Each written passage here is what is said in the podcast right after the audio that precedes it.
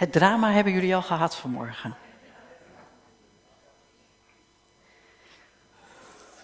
Ik wil graag een gedeelte met jullie lezen uit Gelaten. Gelaten 6. Vorige keer hebben we het gehad over Gelaten 5, de vrijheid in Christus. En nu wil ik met jullie lezen uit Gelaten 6. Vanaf vers 1 voor de mensen die mee gaan lezen, dus neem je tijd om het uh, te pakken. Galaten 6, vanaf vers 1. En ik ga ervan uit dat het niet alleen voor de broeders, maar ook voor ons als zusters uh, is. Broeders en zusters, zelfs indien iemand op een overtreding betrapt wordt, helpt gij, die geestelijk zijt, hem terecht in een geest van zachtmoedigheid, ziende op jezelf. Want je mocht ook eens in verzoeking komen. Verdraag ook anders moeilijkheden, zo zul je de wet van Christus vervullen. Want indien iemand zich verbeeldt dat hij iets is en het niet is, dan vergist hij zich zeer. Ieder moet zijn eigen werk toetsen en dan zal hij slechts voor zichzelf stof tot roem hebben en niet voor een ander. Want ieder zal zijn eigen last dragen. En hij die onderricht wordt in het woord, dat zijn jullie hè, op dit moment, deel van alle goeds mede aan wie dat onderricht geeft. Dwaalt niet, God laat niet met zich spotten. Want wat een mens zaait, zal die ook oogsten. Wie op de akker van zijn vlees zaait, zal uit zijn vlees verderf oogsten. Maar wie op de akker van de geest zaait, zal uit de geest eeuwig leven oogsten. Laten we daarom het goede doen, zonder op te geven. Want als we niet verzwakken, zullen we oogsten wanneer de tijd daarvoor gekomen is. Laten we dus in de tijd die ons nog rest, voor iedereen het goede doen. En vooral voor onze geloofsgenoten. Laten we bidden. Ja, Heere God, dank u wel voor uw woord. Zo duidelijk, zo helder. En ik wil u vragen of u hier wil zijn, of u ons een open hart wil geven, uh, mij, maar ook iedereen die hier zit, om te horen wat u ons te zeggen hebt. Om uh, gevoelig te zijn voor uw geest die in ons woont, die in ons is en die ons wil leiden, maar ook mag leiden. Dank u wel, Heer, dat we alles van u mogen verwachten. En dank u wel dat dat dan meer is dan dat wij kunnen bidden of kunnen verzinnen. Meer dan we met ons hoofd kunnen bedenken, met ons hart kunnen wensen. En met zo'n enorme verwachting kijken we op naar u, omdat we weten dat onze hulp van u is. Amen. Gedeelte uit Gelaten. Paulus houdt van de christenen in Gelaten. Hij maakt zich zorgen over de dwaalleer die daar geleerd wordt. Um, want er waren mensen binnen de gemeente en die zeiden: joh, je moet je toch laten besnijden. Even vertaald naar onze tijd. Hè? Um, of zien jullie al iets wat ik nog niet wil zien? Nee hoor, dit is helemaal goed.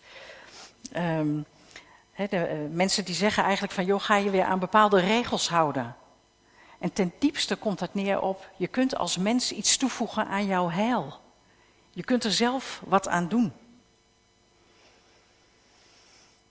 En in plaats daarvan zet Paulus een hele andere werkelijkheid neer. dat is de werkelijkheid van genade. Van je hebt niks in te brengen dan lege briefjes. Ik weet niet of jouw vader dat ook tegen jou zei.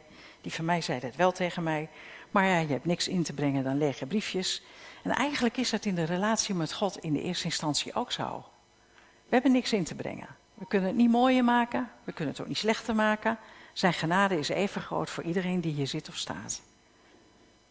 En dat, dat, die boodschap, de boodschap van het onverdiende heil, wat voor iedereen is, voor de Joden en voor de niet-Joden, dus ook voor ons, dat is de boodschap van Paulus. Daar hebben we het de vorige keer over gehad. En we hebben het gehad over de vrijheid in Christus en ook dat we dat wel eens lastig vinden.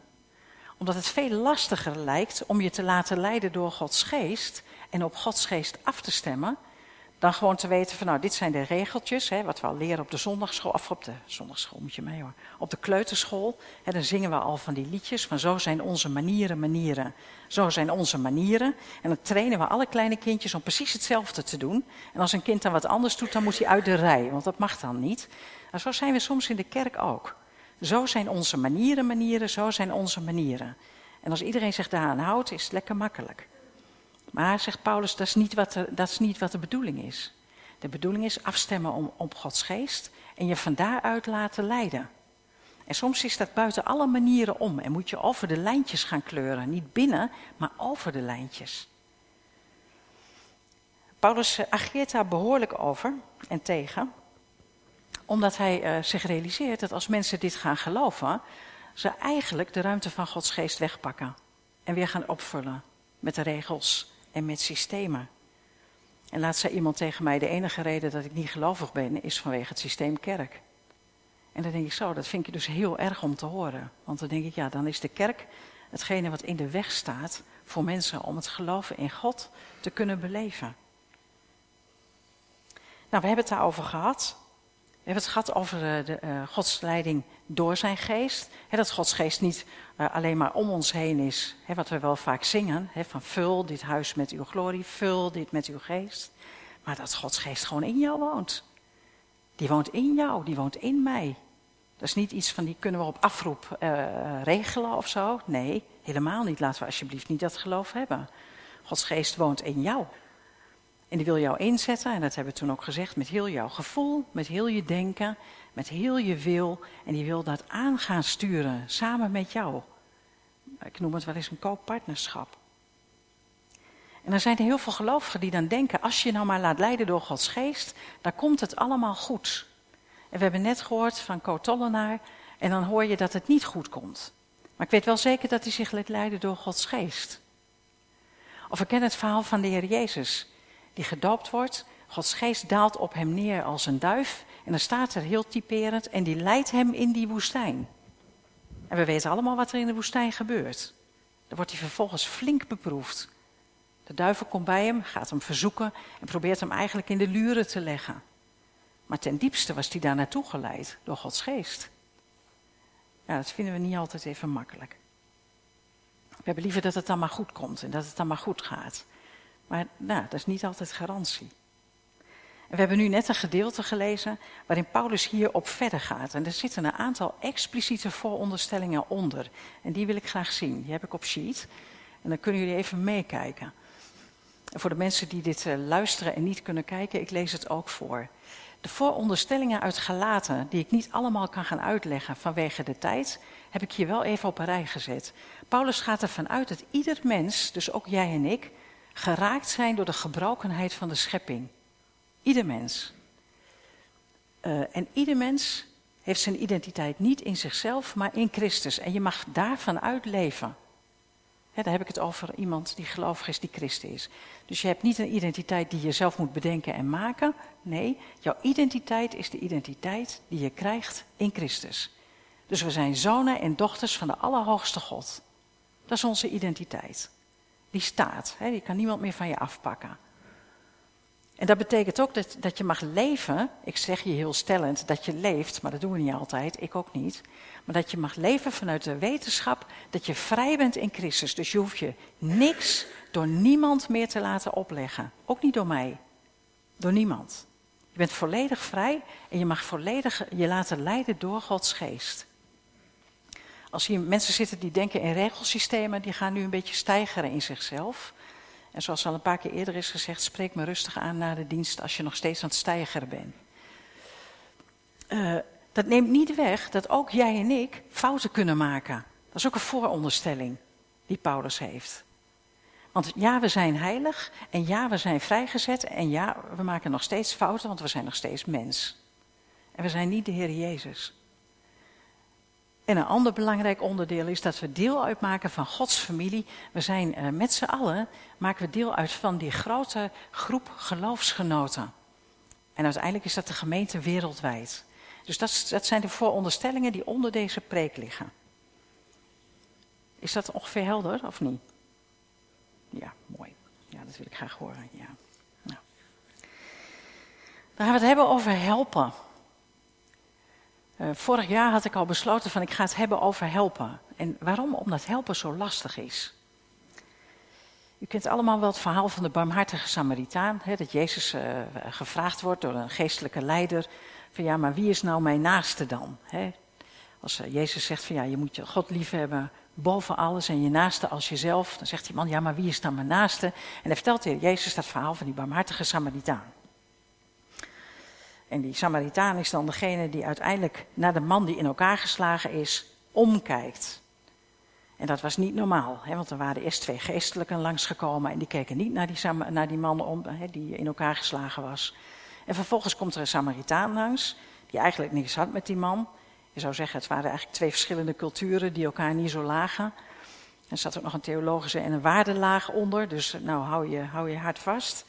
En juist diegene strekt zich dan uit naar degene die dan in elkaar geslagen is. En dan vraagt Jezus, wie was nou mijn naaste? Dat leek wel duidelijk dan. En dat was ook wel duidelijk. Onlangs is door een eh, wetenschapper eenzelfde soort experiment gedaan. Met aankomend predikanten. Uh, en hij heeft uh, een deel van de groep aankomend predikanten heeft hij weggestuurd naar een, een seminar en gezegd van joh, jullie zijn al te laat. Uh, er staat daar een echte hortelmethode die jullie veel wil leren, maar jullie zijn al te laat. Dus zorg alsjeblieft dat je toch op tijd komt. En die groep die ging op weg en uh, terwijl ze onderweg waren, kwam, gebeurde er een ramp. Er stortte iemand in. En zij waren daar met z'n allen getuigen van. En vervolgens stuurde die een andere groep, de checkgroep, ook aankomend predikanten, stuurde die weg en hij zei, joh, jullie gaan naar dat seminar, geniet ervan. Het wordt heel mooi. Er zit daar iemand die weet waar hij het over heeft. Geniet. En ook deze groep zag een man instorten. En wie ging helpen, denk je? Ja, de tweede groep, ja. Ja, de tweede groep, die gingen helpen. En die namen daar ook alle tijd voor, want die ervoeren niet een bepaalde druk. We hebben net een filmpje gezien, daar gaat zo verschrikkelijk veel mis dat je bijna niet weet waar je kijken moet. En dat zag je ook bij de, de, omstanders. Hè. Er, het, gebeurde zoveel en het was zo onbevattelijk allemaal wat er gebeurde, dat niemand doet ook iets.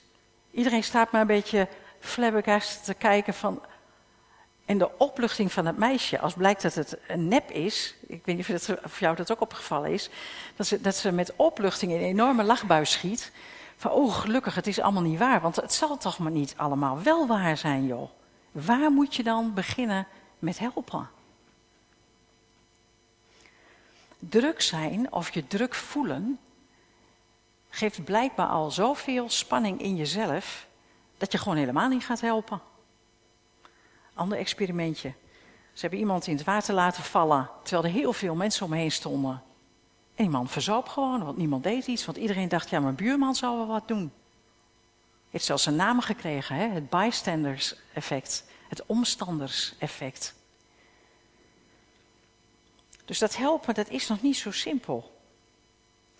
Ook al is het wel de opdracht om dat te doen, wanneer dan en hoe dan, is best wel een uitdaging. Het is wel een opdracht. En misschien hebben die mensen wel gedacht, die eerste groep van die uh, aankomend predikanten, van ja, maar ja, weet je, uh, als ik nou ga helpen, dan ben ik misschien de enige die te laat komt. Uh, of ja, weet je, er zit daar wel een belangrijk iemand en die staat daar wel voor op mij te wachten. Dus ja, ik kan niet zo'n belangrijk iemand laten wachten op mij. Dus ik moet helaas deze meneer die in elkaar stort, of mevrouw, ik weet niet wie het was, maar even laten zitten. Uh, ik weet niet wat ze allemaal gedacht hebben, maar ik weet wel dat niemand ging helpen. En misschien klinkt het wel heel ver van je bed, is het een soort ver van je bed show. Um, maar wat doen we zelf als we iemand zien staan langs de weg, uh, kant van de weg met uh, knipperende uh, lichten? Dat je weet dat er wat mis is. Wat doen we dan? Stoppen? Jij stopt? Ik, ik hoor dat meestal mensen doorrijden.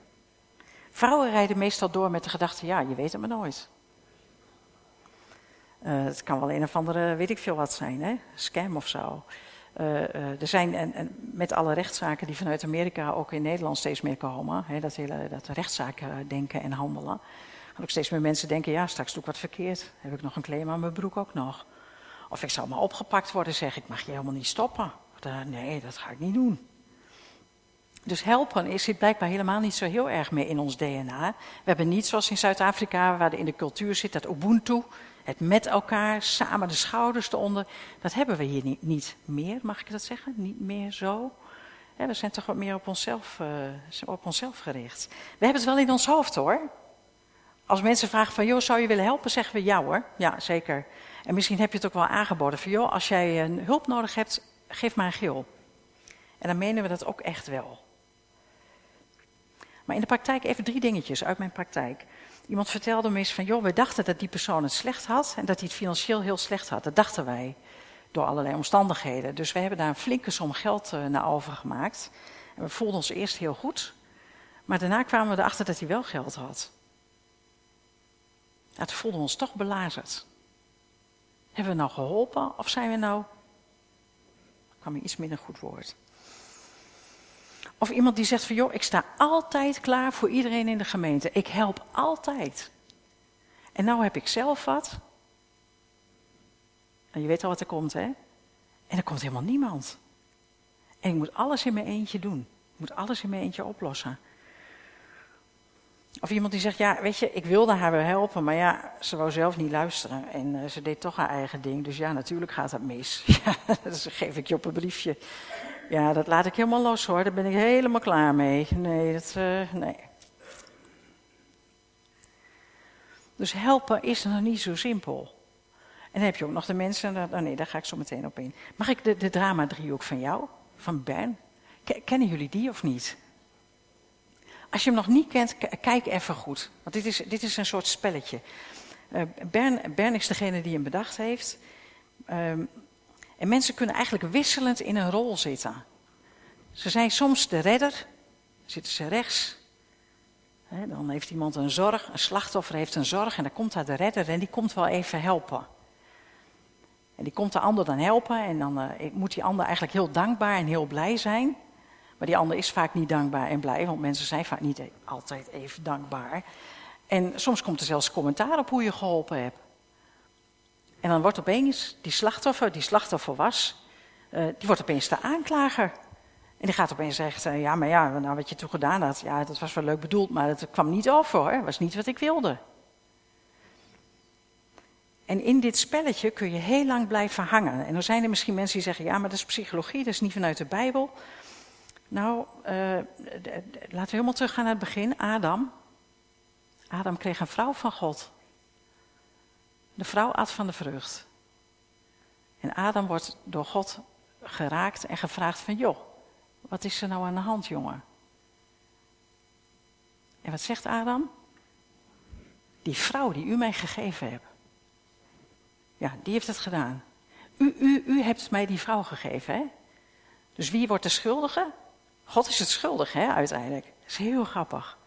Nou, heel grappig, maar als je het bekijkt vanuit de theorie, is het natuurlijk, het is onbestaanbaar, maar het is wel heel grappig. Um, maar hier zitten mensen heel vaak in. Iemand zegt van, ja, weet je, ik zie het allemaal niet meer zitten. Oh, dan komt er een christen aan en die zegt, joh, maar met God kom je er wel door, joh. En ik zal met je bidden en ik leg je de handen op en ik ga je zegenen en bla bla bla bla bla. Ik zeg niet dat het bla bla bla is, hè, maar zo gebeurt het dan soms. En dan gaat die ander naar huis en die denkt, ja, maar wat heeft mij dit nou opgeleverd dan? Ik had liever gehad dat je even naar me geluisterd had. Ja, maar daar had die redder geen tijd voor, want ja, druk, want er was nog wat anders wat ook nog moest. En dan zie je dat dit heel snel zitten mensen daar ook in vast. Dit gebeurt trouwens ook in relaties. Hè, dit kun je ook in je relatie hebben. Je doet iets, je zegt, joh, zou jij even koffie wil zetten, willen zetten? Nee, zegt die ander, dat doe, ik nu niet. Want ik heb dit en dit heb ik ook al gedaan. Met andere woorden, nou ben jij een keer aan de beurt. Hè? En dan krijg je dat weegschaaltjes, ik las het zelfs laatst in de krant, het weegschaaltjeseffect. Maar dit, dit is iets, daar kom je ook niet uit. En mensen gaan beurtelings in die verschillende rollen zitten. Hou je van mij? Ja, ik hou van je. Maar niet als je de dertigste keer vraagt, want dan komt er een moment dat je partner zegt: Nee, ik hou ook eigenlijk helemaal niet meer van jou. Dus dit is een gevaarlijke driehoek. Want bovendien, je bent je vrijheid eigenlijk kwijt. Hè? Dit is niet meer vrijheid. Dit is een beetje reageren op alles en op de omstandigheden. En je ziet het staan, ik hoop dat je het kunt lezen. Een redder helpt wel, maar die zet de ander niet vrij om zichzelf te kunnen helpen. Want een redder doet het heel vaak tot meerdere eer en glorie van zichzelf. Kijk eens wat ik een goede helper ben. Wat ben ik toch een goede spreker? Of wat ben ik toch een fantastische oudste? Of wat ben ik toch een geweldige hulpverlener? Of wat kan ik toch fantastisch luisteren? En op het moment dat dat erin zit, zijn we kwijt waar we net gelezen hebben. Namelijk eh, dat we dat vanuit een bepaalde houding en geleid door Gods geest moeten doen. Doen we dat niet, zitten we hier in, in no time in. Ook ik met mijn echtgenoot, laat ik daar heel helder over zijn. Adam hebben we het over gehad.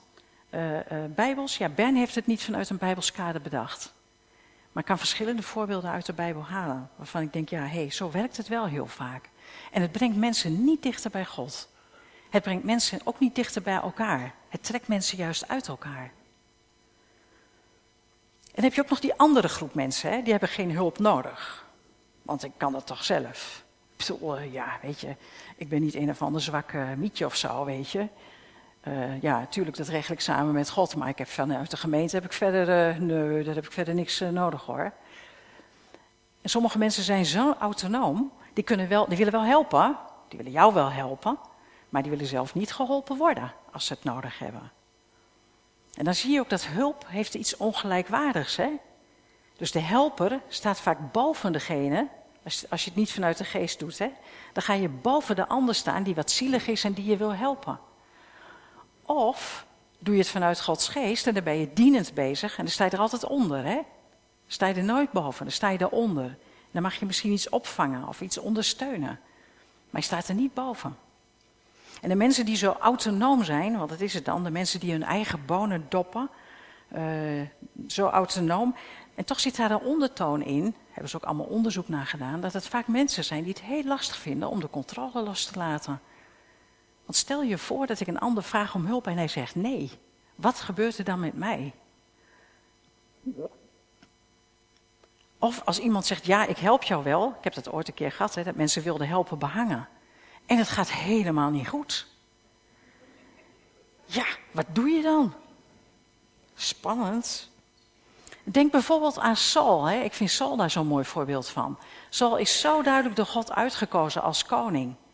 En op een gegeven moment moet hij de strijd voeren en heeft hij al zijn manschappen. Heeft hij, en als je dat stuk leest, het zijn er duizenden. Maar hij moet wachten op dat offer. En hij ziet dat mensen vertrekken. En dan denkt hij, nou weet je, ik ga zelf dat offer maar brengen. de autonoom. Want weet je, straks gaat het mis. Ik doe het zelf wel. En dan gaat hij even snel offeren in de hoop dat iedereen zal blijven. Alsof al die duizenden mensen gelijk weg waren geweest. Hè. Dat gebeurt natuurlijk niet. Maar goed, het zit wel in zijn hoofd. En dat bedoel ik maar. Het zit vaak in je hoofd. En nou, hij heeft nog niet het offer gedaan. En hup, daar is Samuel natuurlijk. Hè. Alsof hij in een bosje stond te wachten. Van nou zo, en wat, wat ga jij nou doen? Maar die autonomie wordt hem heel zwaar aangerekend. Want van God hoef je namelijk niet sterk te zijn. En dat wilde Saul natuurlijk heel erg graag wel zijn. Hij wilde het zelf regelen. Maar God nam hem zo kwalijk dat hij niet had willen wachten, dat hij niet het geloof had dat God hem er heus wel doorheen zou leiden. Nou, die kan ik zo doortrekken naar ons leven. Dus de powerchristenen, die God eh, zeg maar soort van wel nodig hebben, maar het vooral zelf heel goed kunnen, vraag ik altijd van, joh, maar vanuit welke uh, bron doe jij dit dan? En daar kom ik zo meteen op, dat hebben we ook gelezen. Hè? Op welke akker ben jij aan het zaaien? In het gedeelte dat we lazen uit Gelaten 6 komen vier vormen van helpen naar voren. En ik, begin, ik pak er steeds eentje. De volgende die sla ik even over, de volgende sheet denk ik. Ja, en dan begin ik hier. Als je ziet dat iemand een, oh, een overtreding begaat, helpt gij hem terecht, staat er in de Bijbel. Als je ziet dat iemand een overtreding begaat, helpt gij hem terecht. Nou, die is lastig. Daar begint hij mee, hè? dat is de eerste. Het begint niet met materiële dingetjes of zo. Hè? Help elkaar, help een beetje met onderhoud of zo. Maai een keer gras. Maar nee, hij begint gelijk met: als je nou ziet dat iemand uh, een zonde doet, uh, help hem. Wijs hem terecht. In het Grieks staat hier het woord voor dat als iemand overvallen wordt door zonde. Dus het is niet een zonde die iemand al eindeloos vaak aan het doen is, een soort van herhaling en vertaling. Nee, het is iets wat je ziet waarvan je denkt, oeh, dat is niet handig. Dat is niet, dat is niet wijs. En het feit dat je dat ziet, want het staat er, hè, helpt gij die geestelijkheid, zijt, hem terecht in een geest van zachtmoedigheid, ziende op jezelf, want je mocht ook eens in verzoeking komen.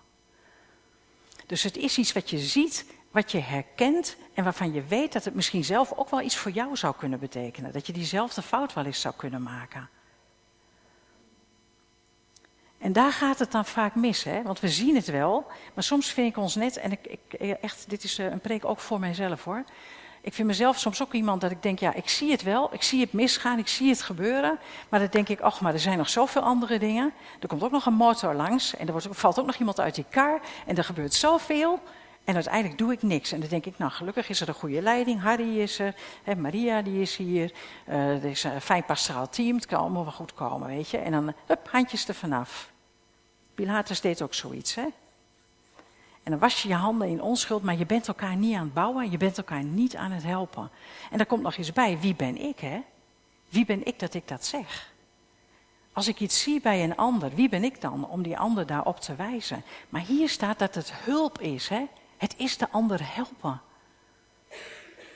Ja, maar ik ga toch niet zeggen van mezelf dat ik geestelijk ben? Ga jij zeggen van jezelf dat je meer geestelijk bent dan ik? Of dan die ander? Wel spannend. Wel spannend. Ik weet niet of ik dat zomaar durf te zeggen. En als gevolg doen we soms maar niks. En wat krijg je dan?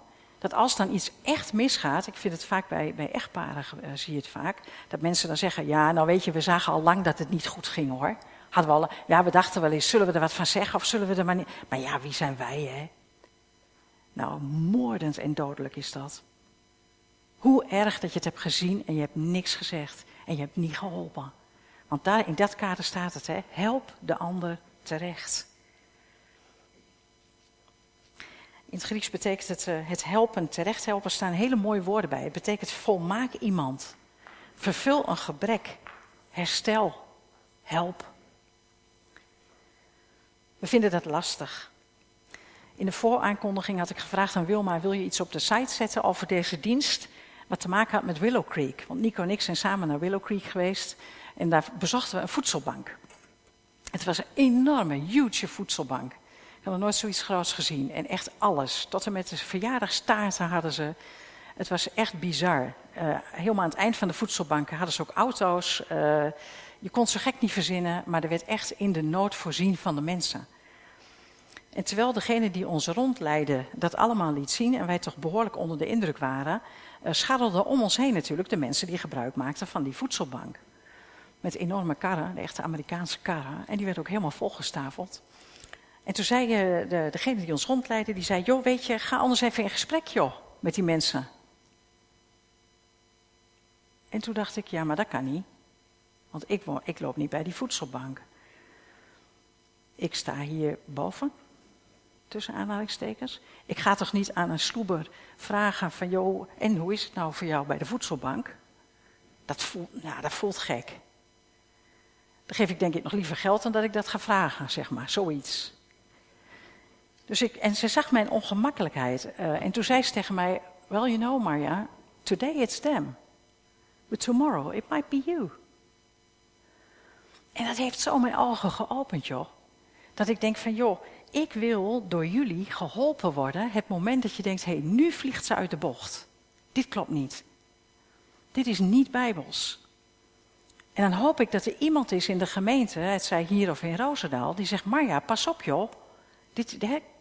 En niet in een geest van, no!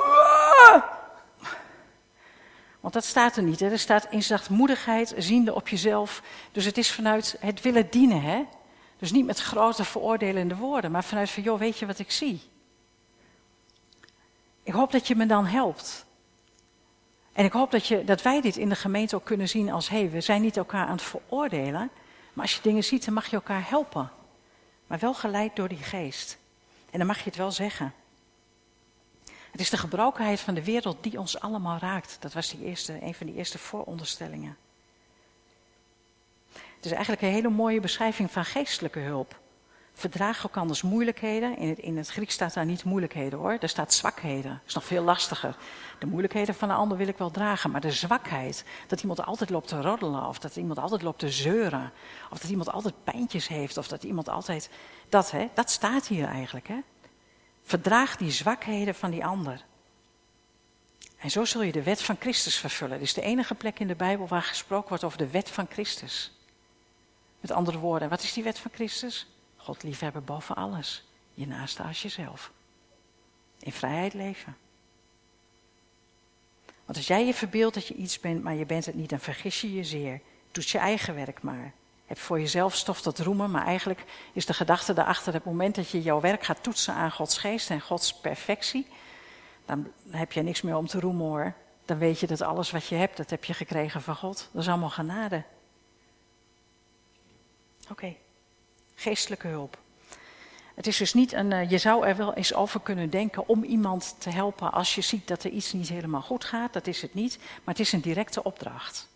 Ik heb daar met Nico wel eens discussie over omdat ik denk dat wij zo anders zijn. Hij denkt van joh, we kunnen, er gewoon, we kunnen het er samen over hebben en dan gaan we het verder laten en dan bidden we ervoor. Dat kan, dat kan ook, hè? daar kun je ook voor kiezen. En ik geloof ten diepste dat God ons vraagt om het niet daar te laten, maar om de ander aan te spreken. En zeg, joh, ik zie dit en dit gebeuren. En het doet wat. Het doet wat met mij, het doet wat met de gemeente. En dit is dus mandatory, hè? Het is een opdracht. Dus als ik jullie nu vraag van, goh, wat is de laatste keer geweest dat jij iemand hebt geholpen waarvan je denkt van, nou, volgens mij slipt hij als hij niet uitkijkt een zonde in. Dan weten jullie allemaal een voorbeeld van, zeg, de afgelopen week. Oké. Twee, verdraag elkanders moeilijkheden. Verdragen elkanders moeilijkheden is ook helpen. En dat is niet niks, want het is je verbinden met de zwakheid van de ander. ga ik nog een keer zeggen. Verdraag elkanders moeilijkheden is je verbinden met de zwakheid van een ander. Ik, uh, ik ben een weekje weg geweest naar, uh, naar Frankrijk, in een uh, giet, zoals het dan heet, een soort schuurtje, kwam ik achter. Um, en de eigenares van de giet, een oude punkster, die zei van, joh, weet je, het christendom is, daar hebben we een hekel aan, want het is geloof en het heeft met de kerk te maken. Dus dat is sowieso een foute boel. Maar het gaat vooral, er zitten allemaal van die hele zwakke mensen die daar gebruik van maken. Dus voor mij is dat niks, want ik heb dat niet nodig. Ik heb God in die zin niet nodig of een structuur of een kerk. En we hebben daar heel, hele gesprekken over gehad, kun je je voorstellen. En ik heb geprobeerd uit te leggen wat voor mij de gebrokenheid van de wereld is. En hoe dat dan is. En dat ik daar zelf ook niet vrij van ben. En zij overigens ook niet, want ze is samen met haar man vertrokken. En daar in haar eentje zit ze daar nu nog, want hij is overleden. En dat we allemaal Gods genade nodig hebben. Die, die, die grace of God, de genade. Maar ik realiseerde mij wel dat ze voor een deel gelijk heeft. Want in de gemeente hebben we wel onze zwakheden. En omdat we ons spiegelen aan de Heere God, zien we ze ook duidelijker. En dan is de vraag, durf je je daar dan aan te verbinden? Terwijl de hele wereld om je heen roept, verbind je daar toch vooral niet aan. Je gaat alleen om met winnaars. Je gaat alleen om met uh, ja, mensen die het gemaakt hebben, die stoer zijn, goed doen, die een beetje oh, in de picture staan, daar ga je mee om. En dan staat hier, nee, verdraag ook anders moeilijkheden, eigenlijk verdraag ze ook anders zwakheden. Draag dat mee. Help daarbij. En dat is ook een opdracht. Ook dat is niet iets waarvan je kunt zeggen, oh dat is iets, daar kunnen we over nadenken, doen we dat wel, doen we dat niet. Nee, dat is gewoon, hè, dit is gewoon een van die opdrachten die we krijgen. Staan we dan naast elkaar? Durven we dat? En tegelijkertijd staat er daarnaast van en iedereen draagt zijn eigen pakketje. Hè? Dat is het woord ook wat er staat. En iedereen moet zijn eigen pakketje dragen. Met andere woorden, ik mag jou wel helpen. Helpen in het uh, samen met jou dat dragen. Maar uiteindelijk ben jij verantwoordelijk om het op te pakken. En dan kom je ook niet in zo'n drama-driehoek terecht. Want dan kan ik dus wel zeggen, als iemand mij vraagt, wil je me helpen? Kan ik zeggen, ja, dat wil ik wel maar wel tot een zekere hoogte. ik kan bij bijvoorbeeld een huwelijkstherapie, ik kan niet dat huwelijk redden. Dat kan niet. Uh, ik kan wel ondersteunend zijn. Maar de mensen moeten het zelf doen, nietwaar? En dat staat hier ook. Maar als ik niet al de houding heb van, joh, maar ik wil met jou in jouw zwakheid naast jou staan. Wat het ook is, of het nou een pornoverslaving is, of een gokverslaving, of weet ik veel wat. Seksverslaving. Woeste dingen kom ik tegen. Wil ik dan naast die ander staan en die zwakheid meedragen? Of ga ik met het vingertje staan en vanuit het oordeel? En als ik ernaast ga staan, vanuit Gods geest, vanuit die liefde en die genade van Christus, vanuit de vrijheid en het, die ander die vrijheid zo gunnen, dan ben ik er wel betrokken bij. Ik neem het niet over. Het blijft bij die ander. Maar je staat er wel naast. En je blijft wel verbonden met elkaar, want je bent die familie, hè? Die laatste veronderstelling.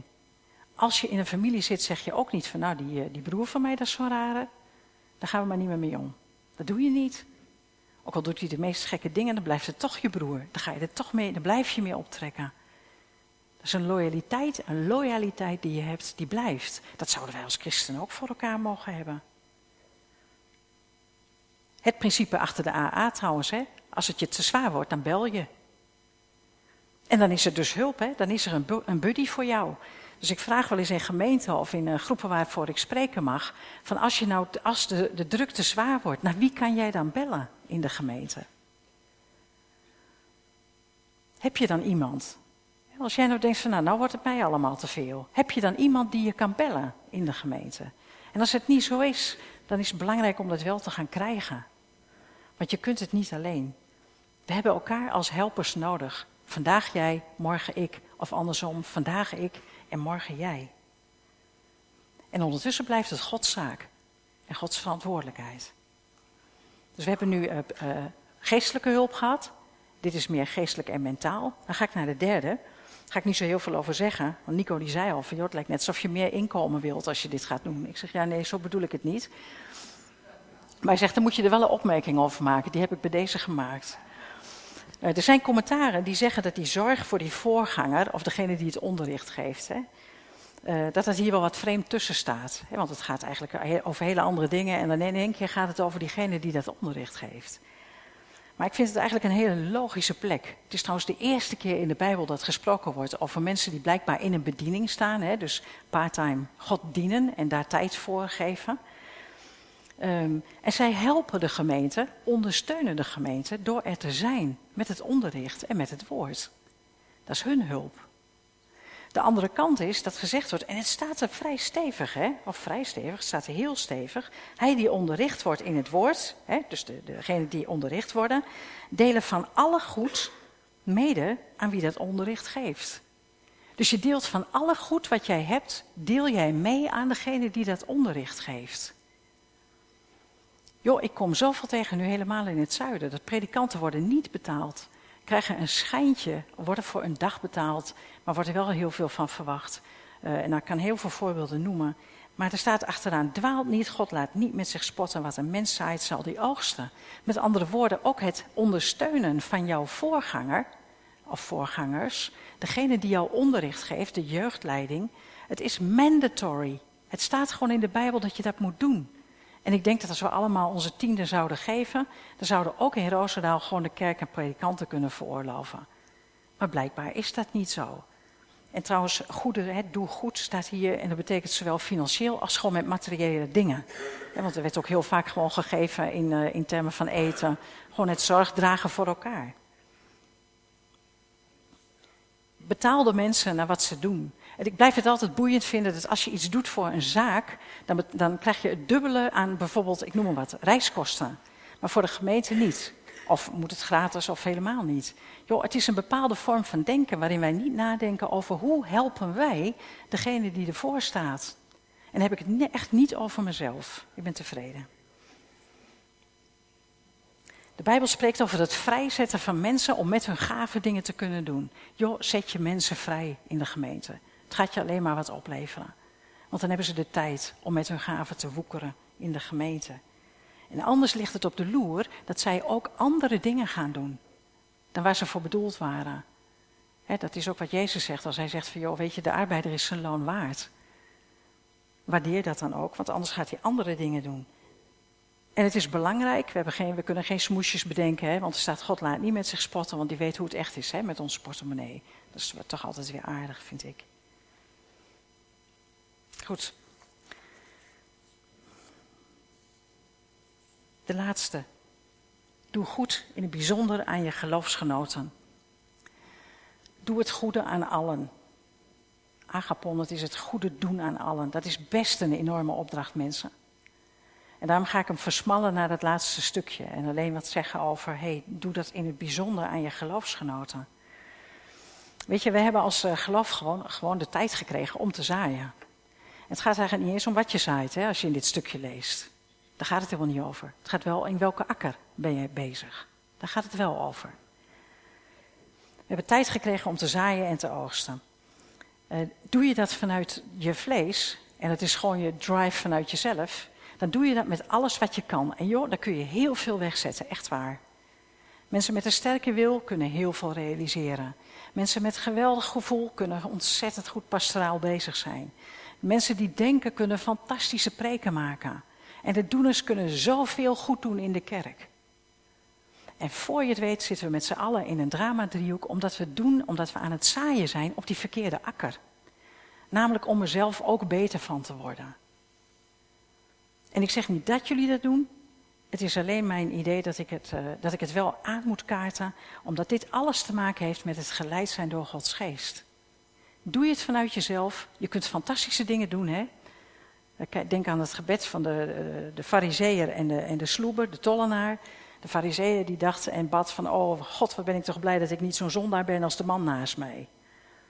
En dan zegt Jezus niks over, alleen van, nou die heeft zijn loon reeds. Hè? Dus dat is klaar, daar hoef ik verder geen aandacht meer aan te besteden. Maar die, maar die zondaar, daar kwam God voor, daar kwam Jezus voor. Dus als jij heel veel goede dingen aan het doen bent en je zaait ze op je, vanuit je vlees, kun je hele goede dingen doen. Alleen het is zo jammer dat de Bijbel zo duidelijk zegt, maar het gaat wel ten verderven. Er blijft niks van over. Nou, dan zouden we toch goed gek zijn met z'n allen als we dat blijven doen. En als we daar onze tijd en energie in steken. Dan kunnen we toch veel beter afstemmen op Gods geest en kijken van, Heer, wat wilt u dat ik ga doen? En soms zullen we iets doen waarvan we denken, jongen, dat had ik niet verwacht dat ik dat zou doen. En soms zullen we dingen laten waarvan we dachten, ja, iedereen vindt dat ik dat moet doen, dus ik zal het maar doen. En dat je weet, nee, dat is toch niet de bedoeling nu. Niet voor mij, niet op dit moment. Werken vanuit de geest is helpen vanuit een hele andere houding. Dat is werken vanuit de vrucht van de geest. Hè? Dat, is, dat is met liefde en blijdschap. Joh, wij willen allemaal. Vermaningen zijn nooit leuk. Ik vind het nooit leuk om vermaand te worden. Vermanen betekent trouwens en op je fouten wijzen en bemoedigen. Hè? Dat is ook lekker. Maar goed, als iemand dat doet in liefde en met blijdschap. En met vrede en met zachtmoedigheid, geduld.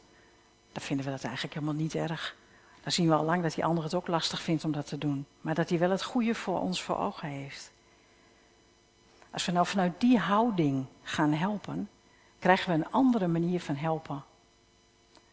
En dan krijgen we de manier, nou ga ik even moeilijk doen voor jou achter de, achter de sheets, maar wil je nog even teruggaan, vier terug? Dan krijgen we die, uh, die mooi, ja deze, ja deze. Ik heb hem toch een winnaarsdriehoek genoemd. Want als wij gaan helpen zoals het hier staat, dan kunnen we op tijd kwetsbaar zijn. Van ons troontje afkomen en kwetsbaar zijn. En zeggen, joh, ik heb echt even hulp nodig nu. In je huwelijk, naar je kinderen toe, in de gemeente, naar je omgeving toe. Van joh, ik heb even hulp nodig. En dan kan de ander zeggen, joh, ik zorg even voor jou. Ik neem het niet over, maar ik zorg even voor jou. Ik draag het samen met jou. En dan kun je daar blij om zijn. En tegelijkertijd ook assertief zijn in de zin van, ja, dit kan ik wel, maar dit kan ik niet voor jou.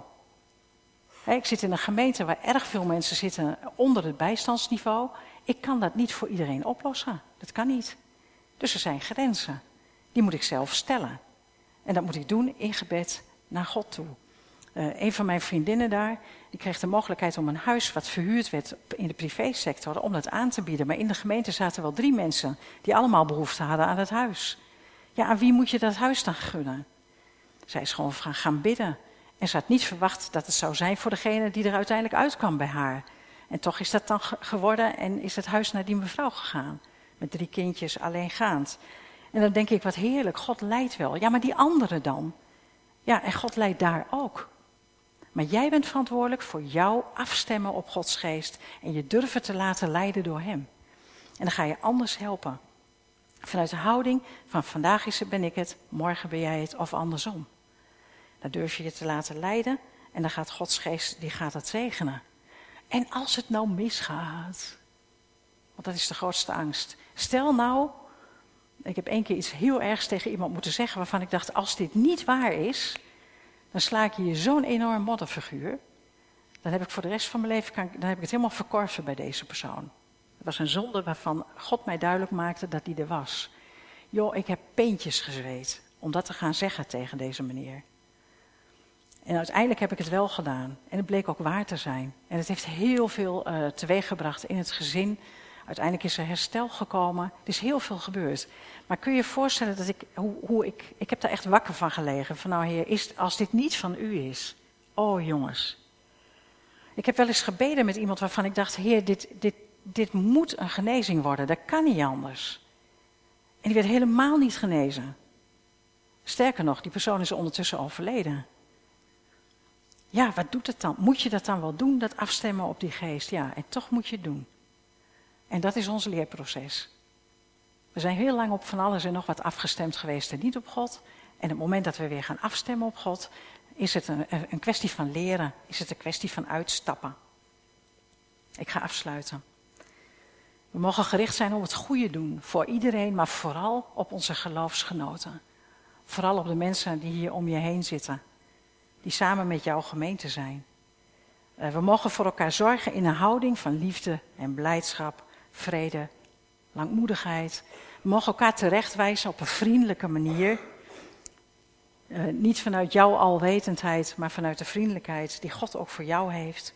Goedheid, zachtmoedigheid en zelfbeheersing. En dan mag je je status loslaten en je ego loslaten. Uh, en de wetenschap hebben dat we elkaar met z'n allen mogen opbouwen. Want we zijn met z'n allen vrijgezet om vrij te zijn. En we zijn ook met elkaar geroepen om samen van elkaar afhankelijk te zijn, elkaar te helpen. En dat is helpen om te helpen. Dat is niet om iets terug te verwachten, dat de ander wat terug doet. Het is er zijn voor de ander, mentaal, geestelijk, financieel en met onze spullen. Want we hebben het, niks, niks is van onszelf, hè? het is allemaal van de Heer. Ik ben heel benieuwd naar wat er gaat gebeuren de komende weken in deze gemeente. Mag ik nog met jullie bidden?